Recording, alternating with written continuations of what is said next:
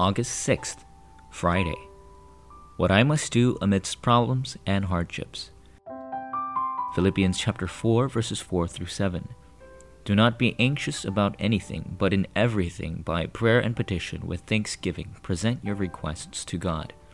And the peace of God, which transcends all understanding, will guard your hearts and your minds in Christ Jesus. When Jesus began his public ministry, he stated to those facing hardships and disease, Come to me, all you who are weary and burdened, and I will give you rest. Matthew chapter 4, verse 19. Also, Paul and the early church discovered those oppressed by hardships and delivered the gospel to them. Therefore, how must we support the people who are in midst of hardships? Number 1. Three hardships. Most individuals are facing three major problems as their hardships.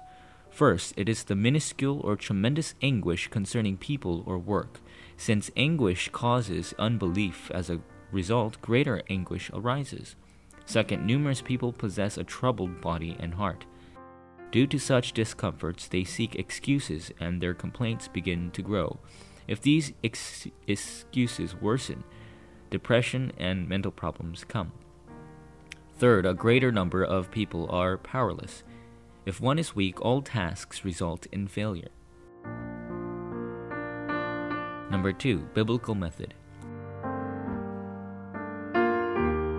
In Philippians chapter 4 verse 4, Paul commanded, "Be joyful inside the Lord."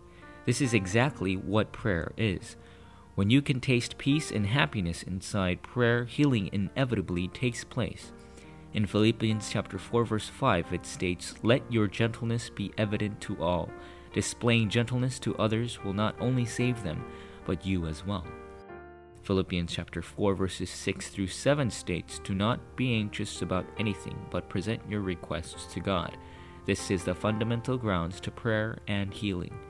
It is an imperative answer that can heal those who are spiritually afflicted and are powerless. At that moment, God will guard our hearts and thoughts.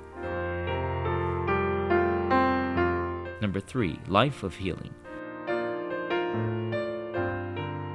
Upon holding to the Word and gaining true peace inside prayer, when hardships arise, we must be able to give thanksgiving as we discard our troubles. From this point on, the Word is fulfilled daily.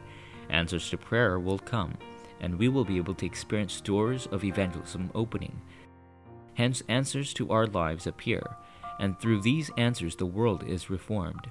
In addition, we can discover our talents and the works inside our businesses, finances, and academics begin. Therefore, do not be anxious by anything, but give sincere prayer within thanksgiving to God. Forum topic How many people around me are amidst hardships? Record the names of people you wish to evangelize to inside today's word, prayer, and evangelism. Also, deliver the gospel to them in the most accurate manner.